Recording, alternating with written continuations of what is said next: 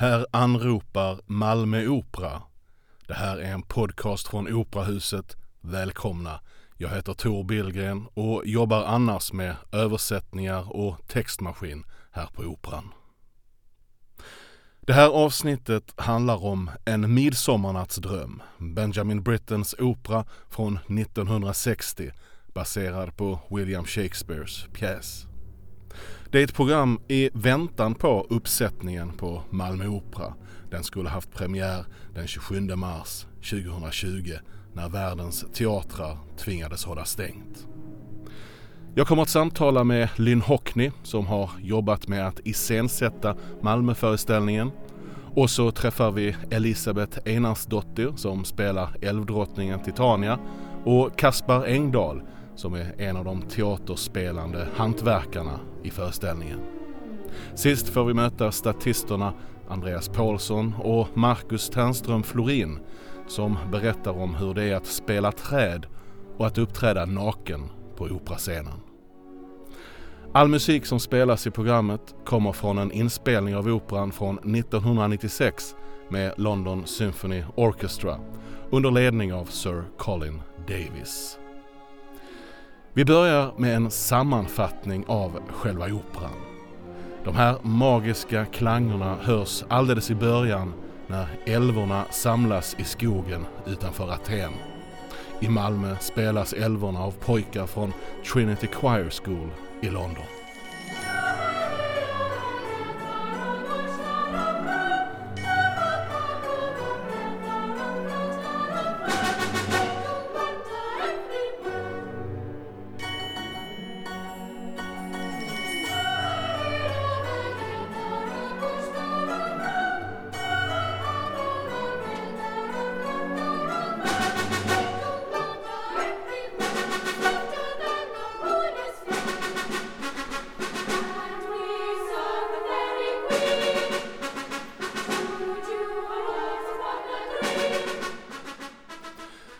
När handlingen börjar är älvornas konung Oberon och hans drottning Titania ovänner.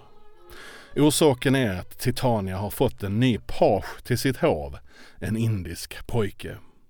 Oberon är svartsjuk och vill ha pojken, men Titania vägrar. Då instruerar Oberon sin fixare, den förslagne Puck, att hämta en magisk blomma vars saft han tänker droppa i Titanias ögon när hon sover. När hon vaknar kommer hon att bli förälskad i den första varelse hon ser. Och i den förvirringen planerar Oberon att överta pagen. I skogen finns också fyra ungdomar Hermia som är på flykt tillsammans med sin älskade Lysander. På flykt för att Hermias far har bestämt att hon ska gifta sig med en annan yngling. Han, Demetrius, är de flyende hack i häl med svärdet i högsta hugg. Den fjärde är Helena. Hon är olyckligt förälskad i den svartsjuke Demetrius som inte vill veta av henne. Hence,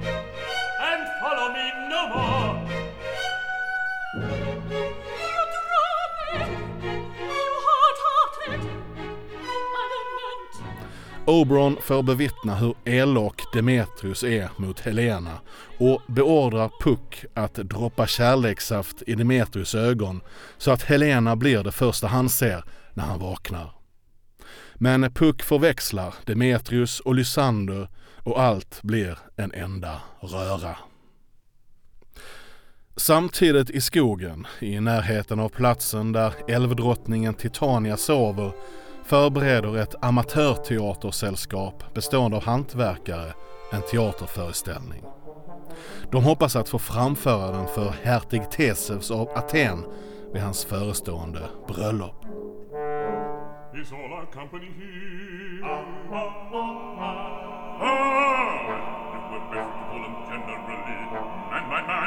According to the script. First, good Peter Quince, say what the play treats on. Mary, the play is the most lamentable comedy and most cruel death of Pyramus and Thisbe. Pjäsen de repeterar heter Pyramus och Tispe som är en variant på Romeo och Julia. Sällskapets stora stjärna är vävaren Nick Bottom. Den jäckande Puck tycker att hantverkarna larmar och gör sig till alldeles för nära den sovande älvdrottningen Titania. Så han förvandlar Bottom till en åsna. De andra hantverkarna flyr i skräck. När Titania vaknar blir just åsnan Bottom det första hon ser och hon blir förälskad.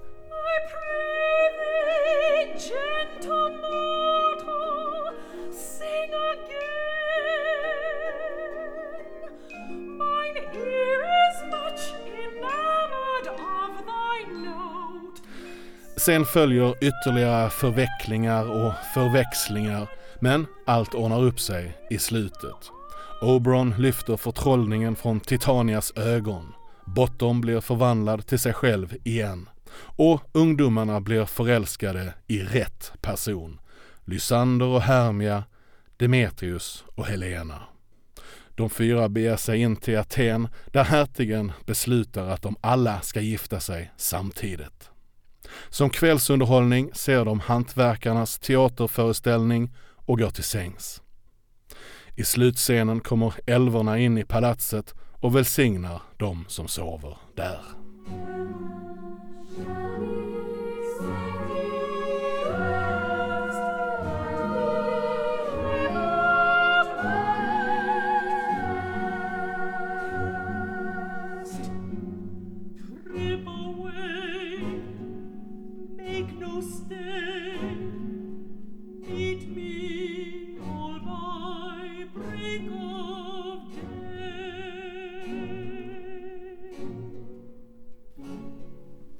Oberon och älvorna i slutet av En midsommarnattsdröm. Föreställningen i Malmö är en uppsättning från Operafestivalen i Glyndebourne i södra England. Den hade premiär 1981. Den är regisserad av den legendariske teatermannen och Shakespeare-specialisten Sir Peter Hall som avled 2017. Den som har lett arbetet med föreställningen i Malmö är koreografen och danshistorikern Lynn Hockney.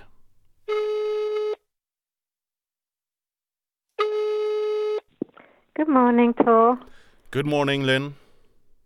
Hon är hemma i England när jag ringer upp henne i slutet av mars 2020. Well, the weather is sunny, but we have an east wind, so it's sunny and cold. Det här är inte första gången Lynn Hockney har arbetat på Malmö Opera.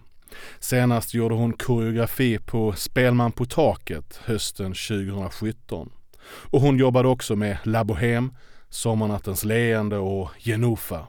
Och hon gillar den familjära stämningen på operan. I mean, those that come to work there from abroad really love it for its family atmosphere.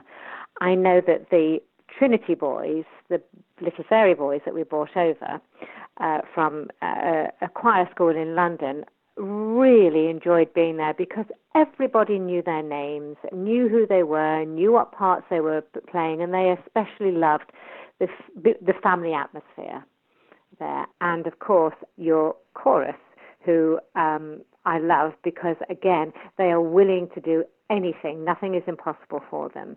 And uh, that's not always the case with most choruses from opera houses. Lynn Hockney framhåller Malmö Operas kör som är ovanligt tillmötesgående när det gäller regissörers och koreografers önskemål och idéer. Den här uppsättningen av En midsommarnattsdröm är alltså från 1981. Men regissören Peter Hall tillfrågades av Britain att göra urpremiären 1960. Då var han dock alltför upptagen med andra åtaganden.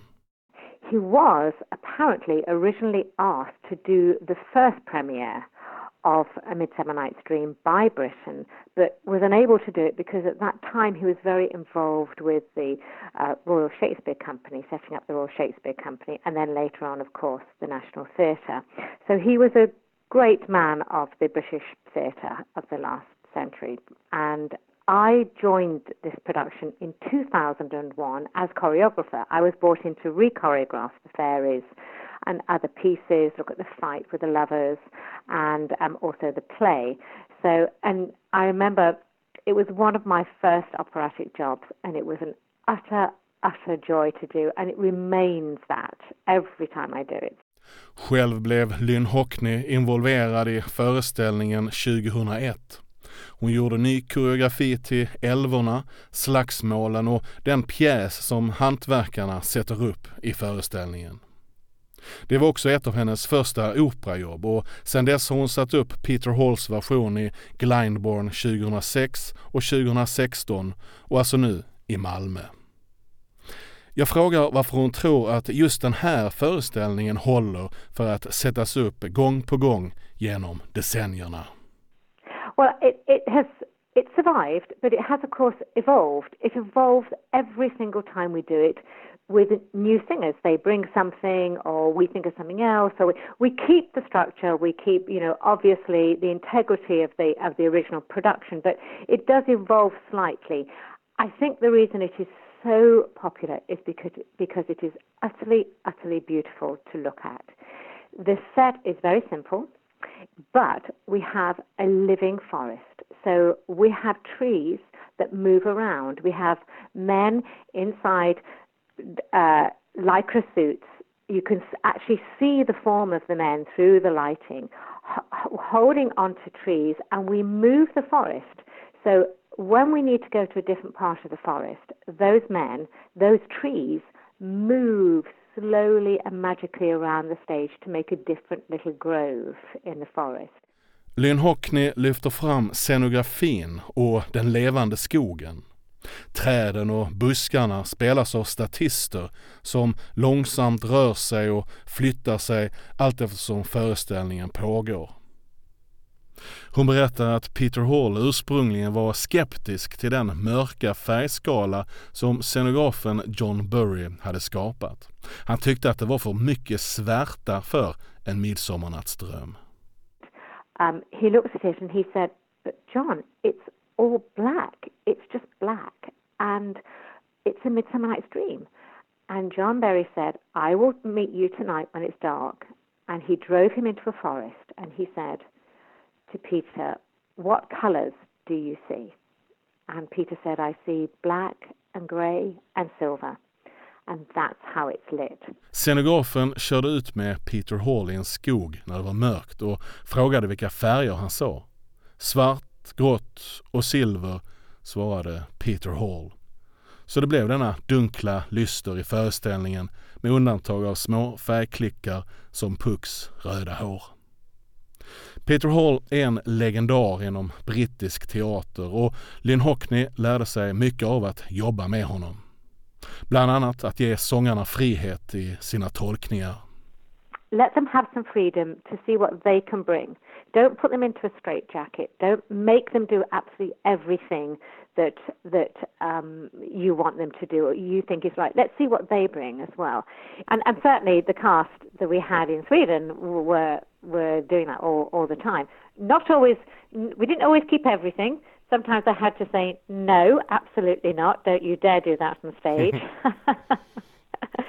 but um, especially with the rustics. The rustics is very difficult because you know they get a lot of laughs, and then the rustics want to play for laughs and then they become vulgar and not real. And with the rustics, we have to have empathy with them. We have to really want them to do the play well within, you know, um, the palace.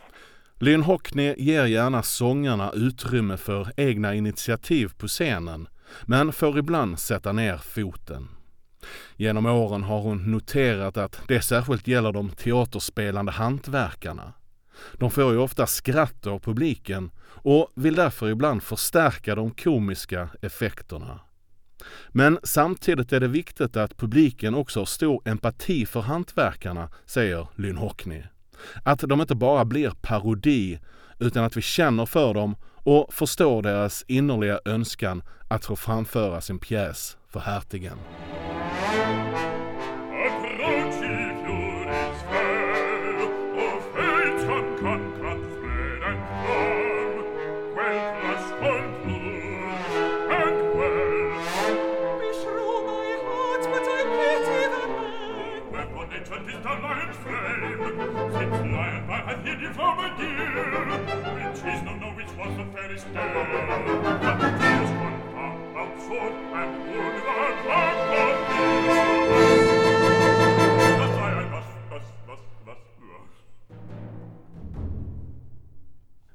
midsommarnattsdröm är på ytan en förväxlingskomedi om kärlek, men på djupet har den betydligt mörkare drag.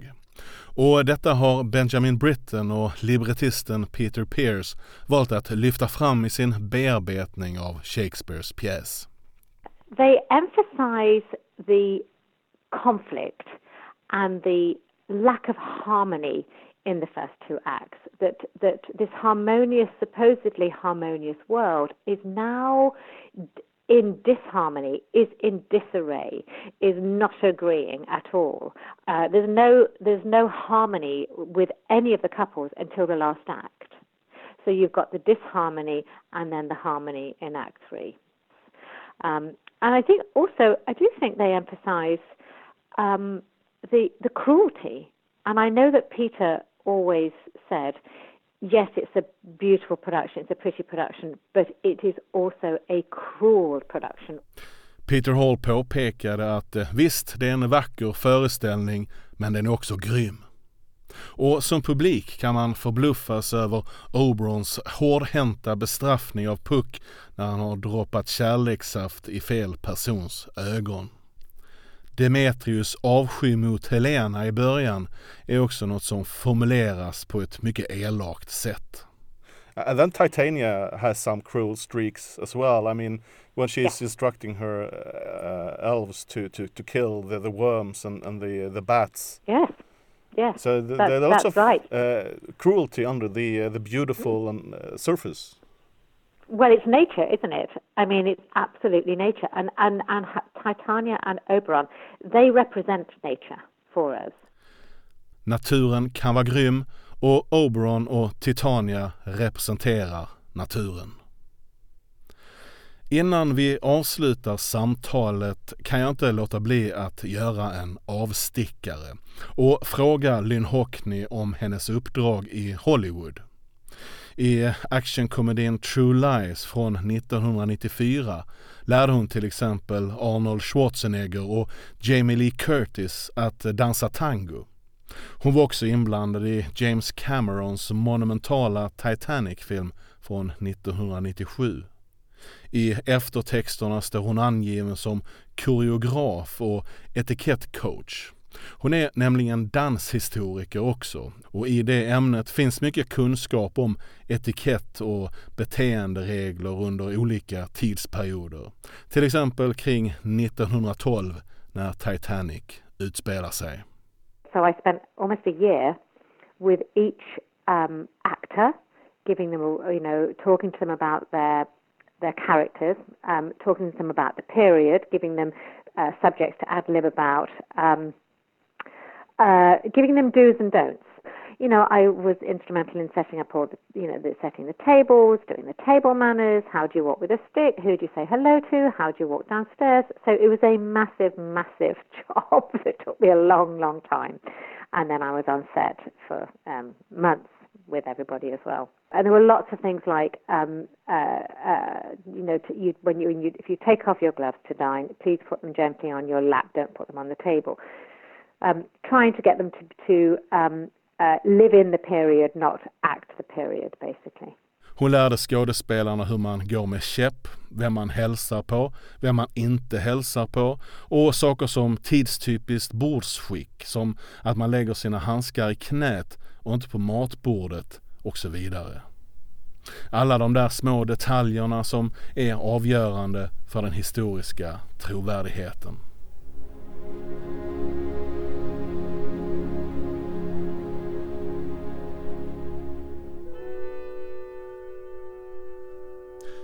Okay, thank you for this conversation.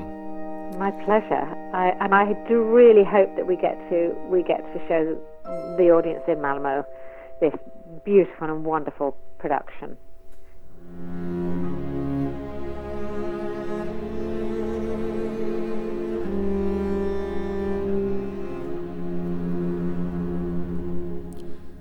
En midsommarnattsdröm har en särskild ställning på Malmö Opera. Det var den första teaterföreställningen som spelades på Stadsteatern som huset kallades när det invigdes 1944. Och det var den första operan som uppfördes när huset renodlades till ett operahus 1993. 2018 spelades Hans Gefors opera Parken här på scenen som löst bygger på Shakespeares drama. Och våren 2020 under 75-årsjubileumssäsongen har alltså Britains Opera återstått på programmet. Nu ska vi träffa två av de medverkande i föreställningen. Kaspar Engdahl, basbariton och koloratursopranen Elisabeth Einarsdottir. Föreställningen är en del av deras utbildning inom ramen för Malmö Opera Academy. Elisabeth spelar älvdrottningen Titania.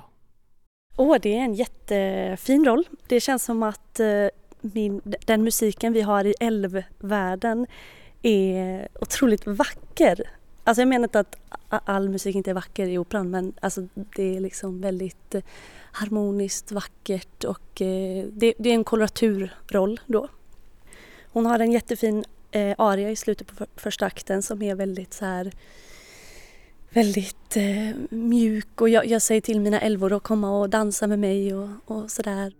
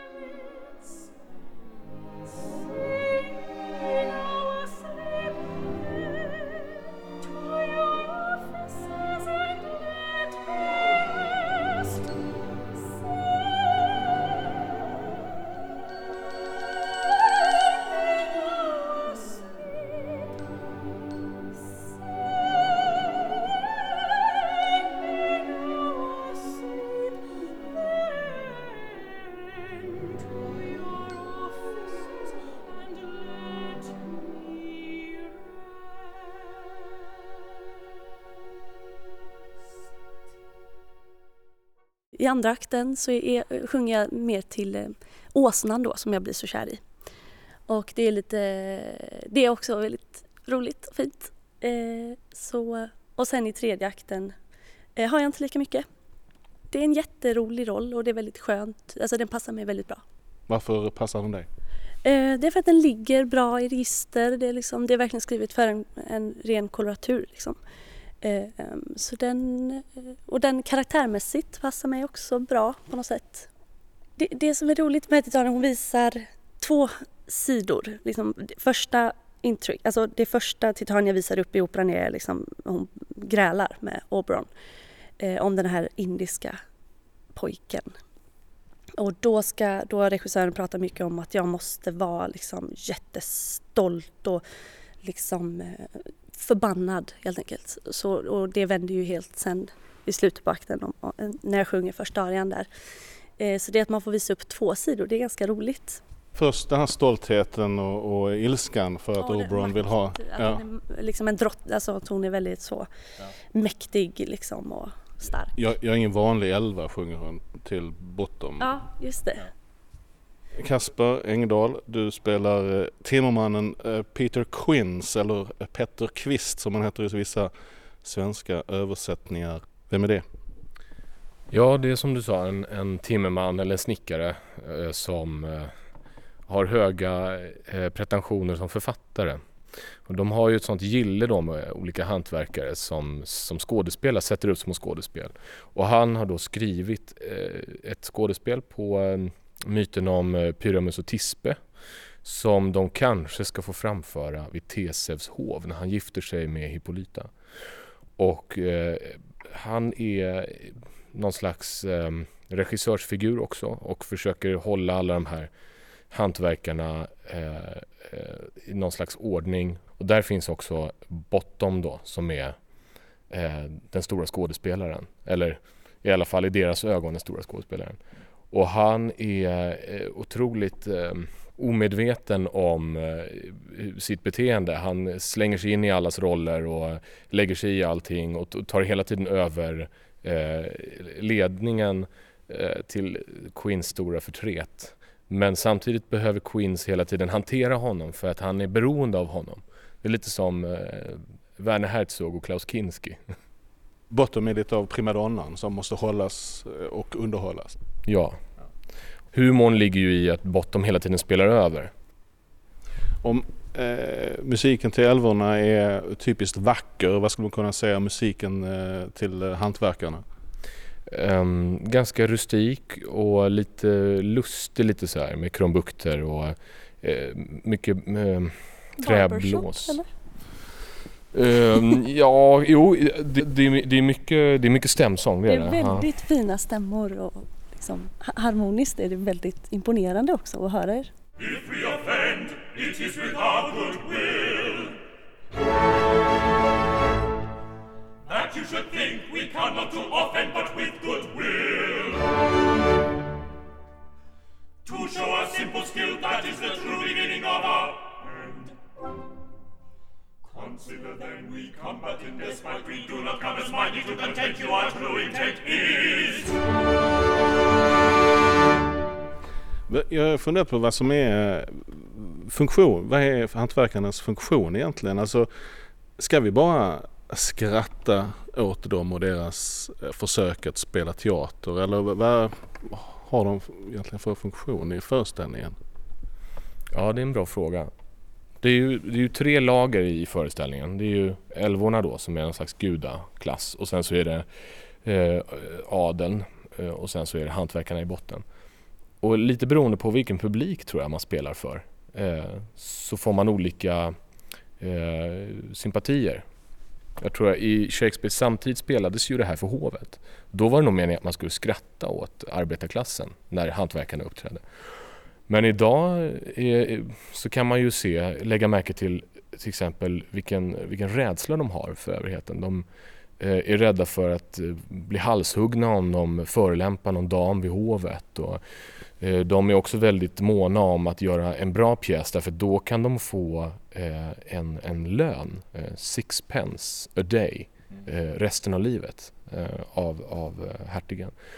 TSMs. Och eh, bland, alltså, den här viljan att försöka komma upp sig och få det lite bättre blandat med den här enorma skräcken för, för en ganska auktoritär överhet är påtaglig tror jag för en nutidsmänniska som spelar de här hantverkarrollerna.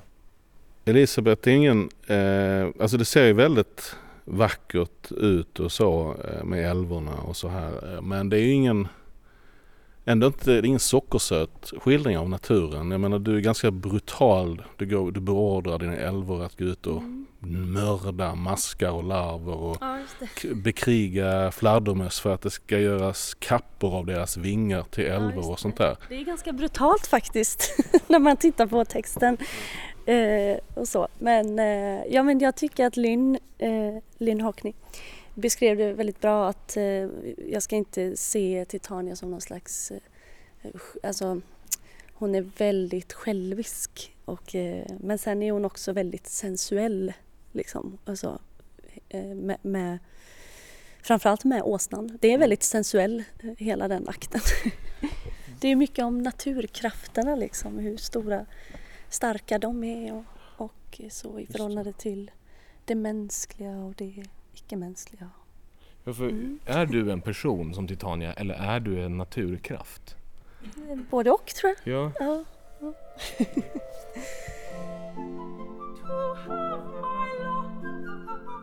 To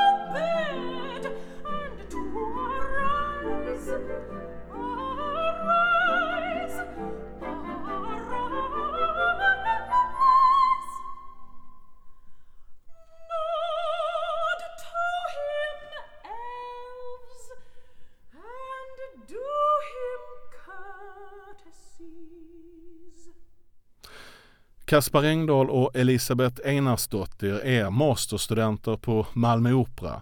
Det är de tillsammans med Sara Rauvala och Christine Nolane. De går en utbildning på Musikhögskolan i Malmö och gör under två år praktik på Operan.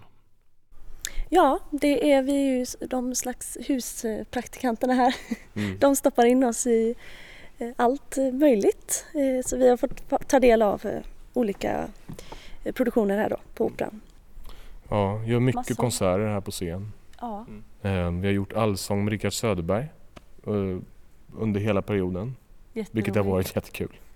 Eh, Turné förstås Turné, ja. och eh, vi var med i Snödrottningen och eh, massa med galakonserter. Eh, varför eh, har du valt den här banan då, Kasper? Oj. Vill du ha det långa svaret eller det korta svaret? Eh, varför jag vill vara operasångare? jag tror att det började som eh, eh, en vilja att utmana mig själv med någonting som jag aldrig trodde att jag skulle kunna lyckas med. Och eh, från början så ville jag hålla på med film och teater men sen upptäckte jag eftersom jag jobbade som eh, publikvärd på Operan i Stockholm och började gå och titta mycket på opera så upptäckte jag att det fanns en konstform som var bättre än filmen och eh, teatern. Och då började jag sjunga eh, mycket solistiskt då, ta sånglektioner. Och sen så söks jag in i det och det har gått hittills och det är omöjligt att ta sig ur det nu. Det, det är mitt liv. Mhm. Elisabeth? Det har alltid varit naturligt för mig att sjunga. Alltid älskat att sjunga. Så jag tror det började väl med det att med intresset för musik växte och sen var det väl någon musiklärare som upptäckte att just klassisk sång skulle passa mig bra. Ja, eh, och så. Eh, så det var ett intresse som bara växte helt enkelt. Ja, från, från kanske slutet av eh, gymnasiet eller så. Så har det bara liksom växt. En sak som jag har tänkt på som är speciell och som vi har upplevt ganska mycket med den här praktiktjänsten vi har här i två år är att vi är de enda operasångarna som är fasta i huset under så här lång tid. I princip ja. Och det finns nästan inga, det finns lite sådana här längre kontrakt på ett eller två år på eh, husen i Göteborg och Stockholm. Eh, Och eh, där har man kanske lite så ensemblekänsla på något sätt. Eh, Och en del fastanställda sångare som hänger kvar sedan 90-talet. Så. Men i stort sett så har vi ju inga... Eh, vi, vi har gått från att vara en, en yrkeskategori som lever i ensemble som, som arbetsform och som konstnärlig form till att bli totalt isolerade och eh, bygger aldrig upp en koll, ett kollektivt medvetande. Men de här två åren här har varit en liten chans till att, känna, att få känna på hur det är att jobba i en ensemble och det har varit fantastiskt Mm. kul och eh, det, har- det har man uppskattat faktiskt. Eh, har, eh, funderar ni i termer av alltså drömroller helt enkelt? Och herregud, den ändras alltid hela tiden. Vad var den från början när du började sjunga? Ja, men det var väl Violetta Traviata eller någonting. Ja, det är det väl lite i och för sig fortfarande. Men eh, mm, just nu är jag väldigt mm, Mozart-galen. Eh, Nattens drottning. Mm. Och eh, eh, Trollflöjten då. Och eh, Konstanze kanske, ur eh, En leveringen ur Seraljen. Kasper? Mm. Eh, Det är, ju- jag håller med Elisabeth. Det ändras alltid. Från dag till dag nästan. Men eh, Jag tycker jättemycket om de stora italienska rollerna förstås. Så det ska vara väldigt kul att göra Scarpia. Eh, men mer och mer eh, Wagner intresserad så eh, jag säger Flygande holländaren också. Om man, eh, om man kommer dit någon gång, eh, att man kan göra dem.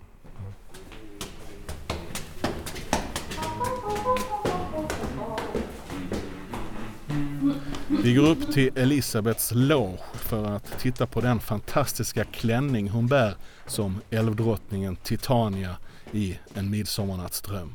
Den är designad av Liz Burry. Men den är på service just denna dag så istället tittar vi på några bilder. Det här är jag och mina små söta älvor. Mm.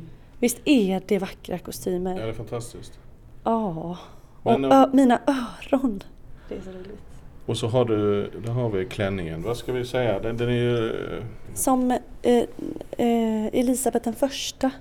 Den, det är jättetungt att ha den här klänningen. Den är jätte, jättemycket tyg, tungt tyg.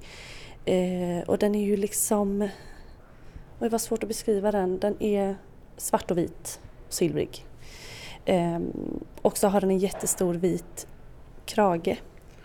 Och Eh, mitt hår står rakt upp i luften. Fast det ska inte, kommer inte vara så här högt då som det var på de här senaste pressbilderna. bilderna. Ja, alltså hur eh, får man håret att stå så? För att Oberon har ju, och Puck har också ganska speciellt hår. Jag vet, alltså fråga smink och mask och dem. jag vet Men det är en peruk, det är inte ditt... Det är en peruk. Ja, ja, gud ja, herregud. Och sen har du spetsiga öron på Ja. eh, älvmanér. Precis. Och sen så är det, har de plock, stoppat in liksom lite blommor och lite sånt grejs i håret också. Det syns inte så bra på den här bilden.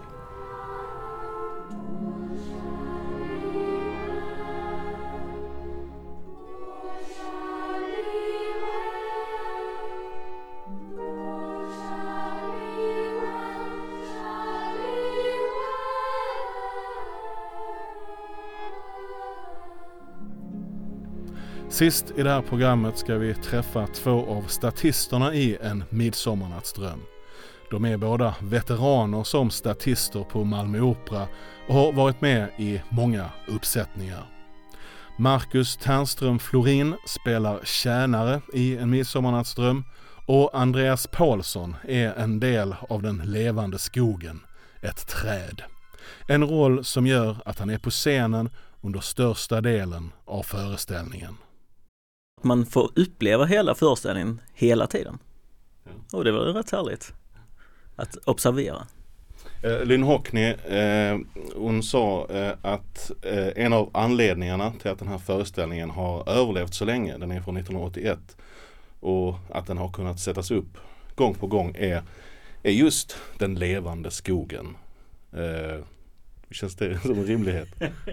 Jag trodde vi skulle vara mer levande men eh, vi står mest stilla faktiskt. Jag trodde vi skulle vara mer eh, följande och upplevande av vad som händer på scen men vi är mer observerande. Ja, berätta hur, hur rör ni er? Vad gör ni? Eh, vi har lite olika. Eh, mitt träd som eh, heter Plommon 3. Jag flyttar mig tre gånger under föreställningen. Och, och vad, har du, vad har du på dig? Eh, svart eh, helkroppsstrumpa eh, och eh, grenar som eh, växer längs min kropp. Sitter de fast eller du håller i grenarna? Eh, jag både håller en eh, trädstam som är väl fyra meter hög och så har jag grenar eh, fastsydda. Får man ont i armarna? Är det den typen av stillastående? Jag kan säga att vi har, vi har alla pratat om våra onda olika delar av kroppar och Eh, hela scenen är ju slutande så eh, det har varit från fötter till knä till höfter, armar så man märker att man har muskler som man inte använder annars.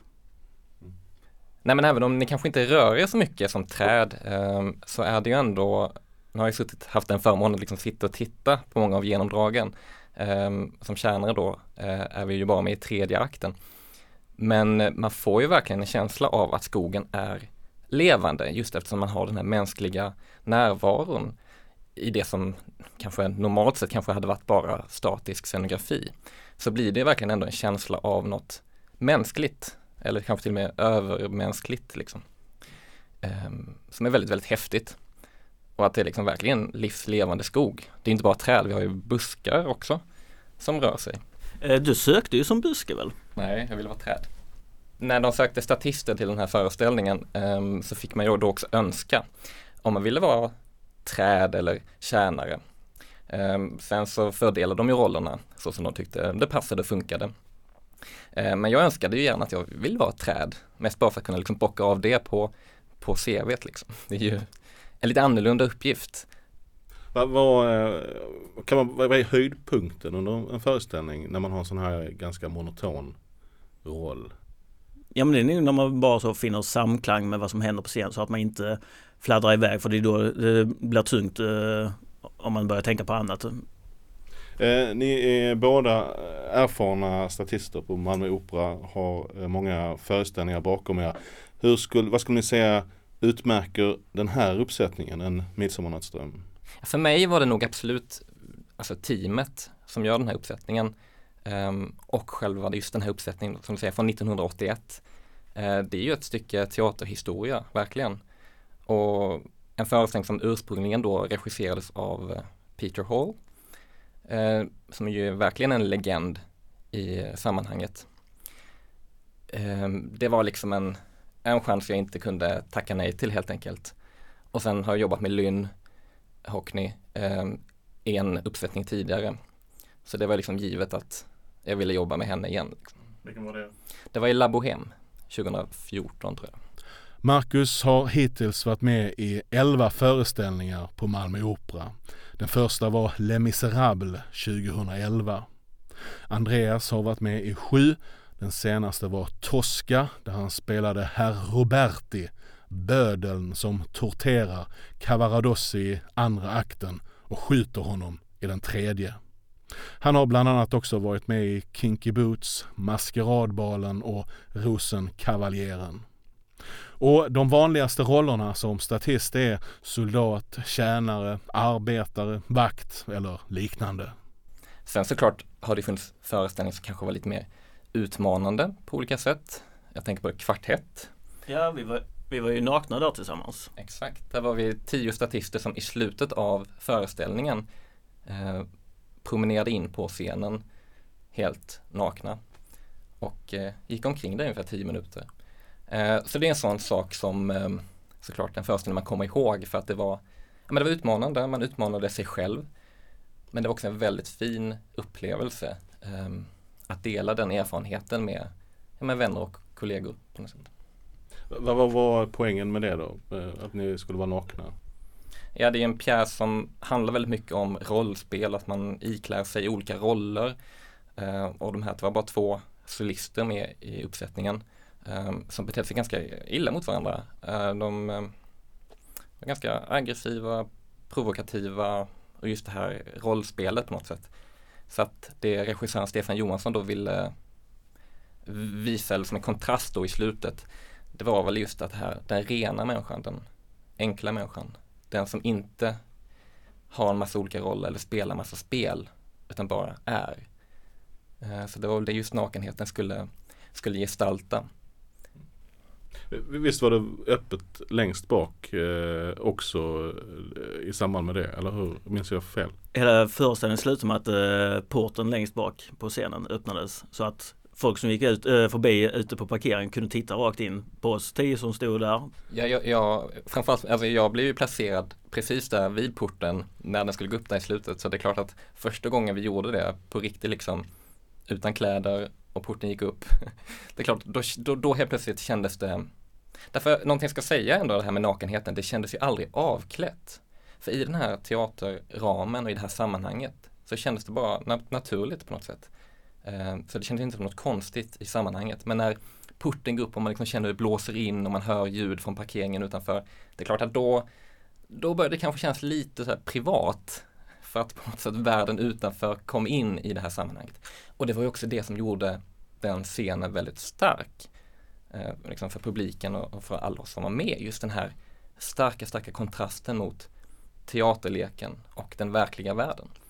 Vilken uppsättning har ni fått göra, göra mest? Liksom vara, me, var mest eh, skådespelare så att säga? Um, ja, mest skådespelare. Som statist kan man ju säga Eh, jag brukar ofta tänka på det som att det är liksom en skala. Antingen är man kanske väldigt behjälplig med tekniken och, och liksom flyttar liksom möbler, scenografi och annat och rekvisita. Eller så har man liksom en mindre roll, verkligen.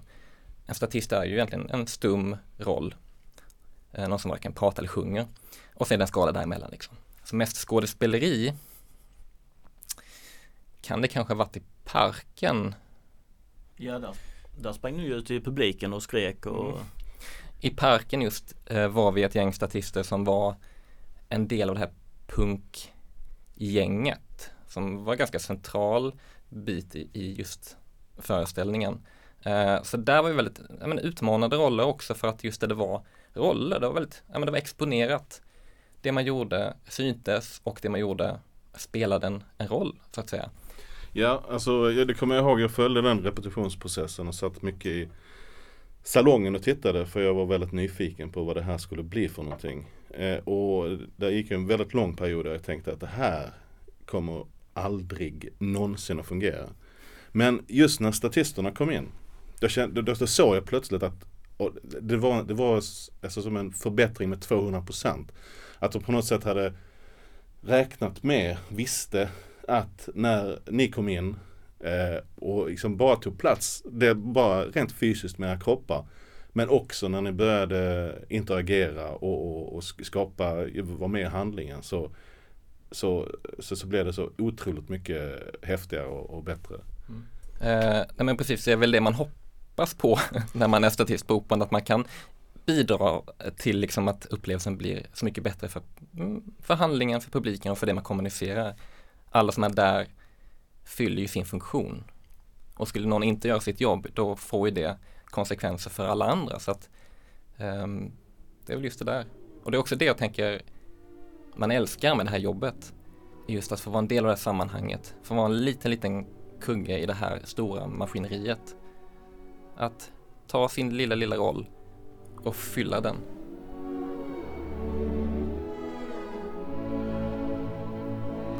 Marcus har med sig programböckerna för de elva föreställningar som han har medverkat i.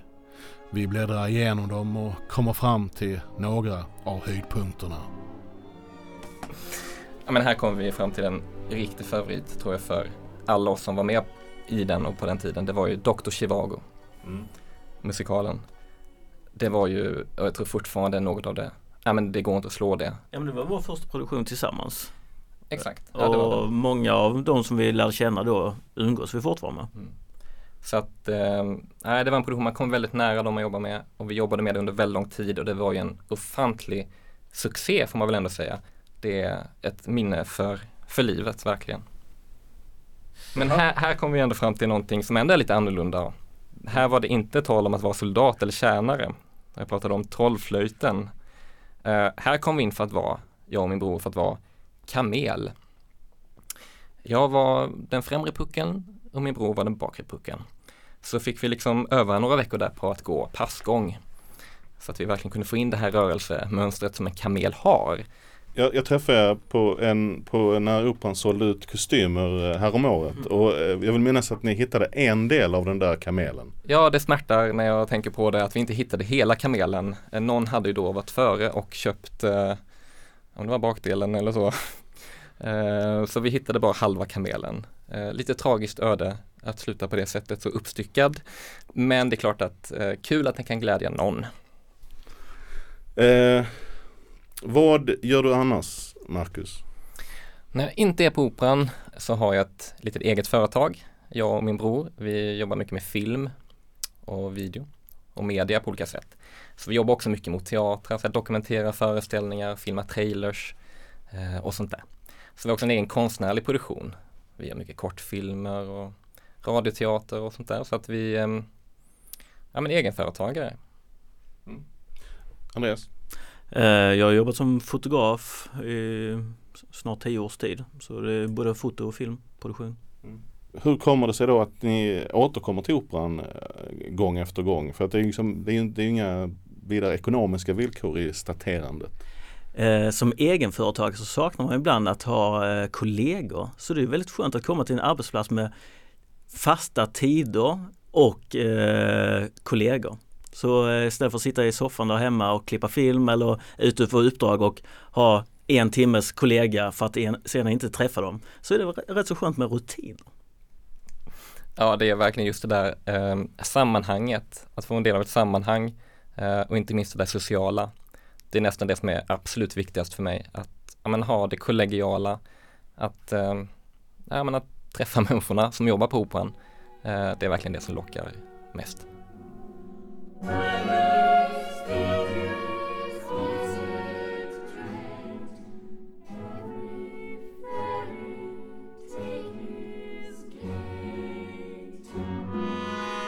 Oh!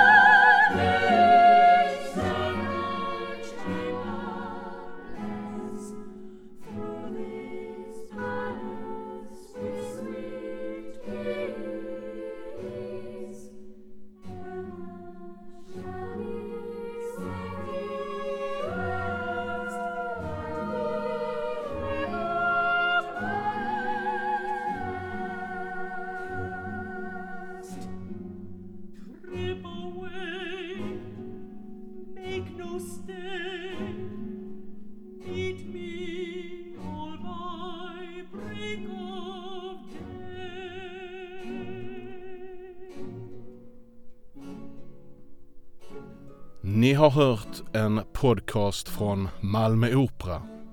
Ett program i väntan på Benjamin Brittens En midsommarnattsdröm. Uppsättningen skulle haft premiär på Operan den 27 mars 2020 när världens teatrar tvingades hålla stängt. Här hörde vi precis älvorna och Oberon välsigna palatset med de sovande kärleksparen i slutet. All musik i programmet är hämtad från en inspelning av operan från 1996 med London Symphony Orchestra under ledning av Sir Colin Davis. På sång hörde vi bland annat Brian Asawa, Sylvia McNair, David Newman och Neil Davis. Programledare och intervjuare Tor Billgren. Kontakta oss gärna på e-postadressen podcast snabel-a malmoopera.se. På återhörande och återseende.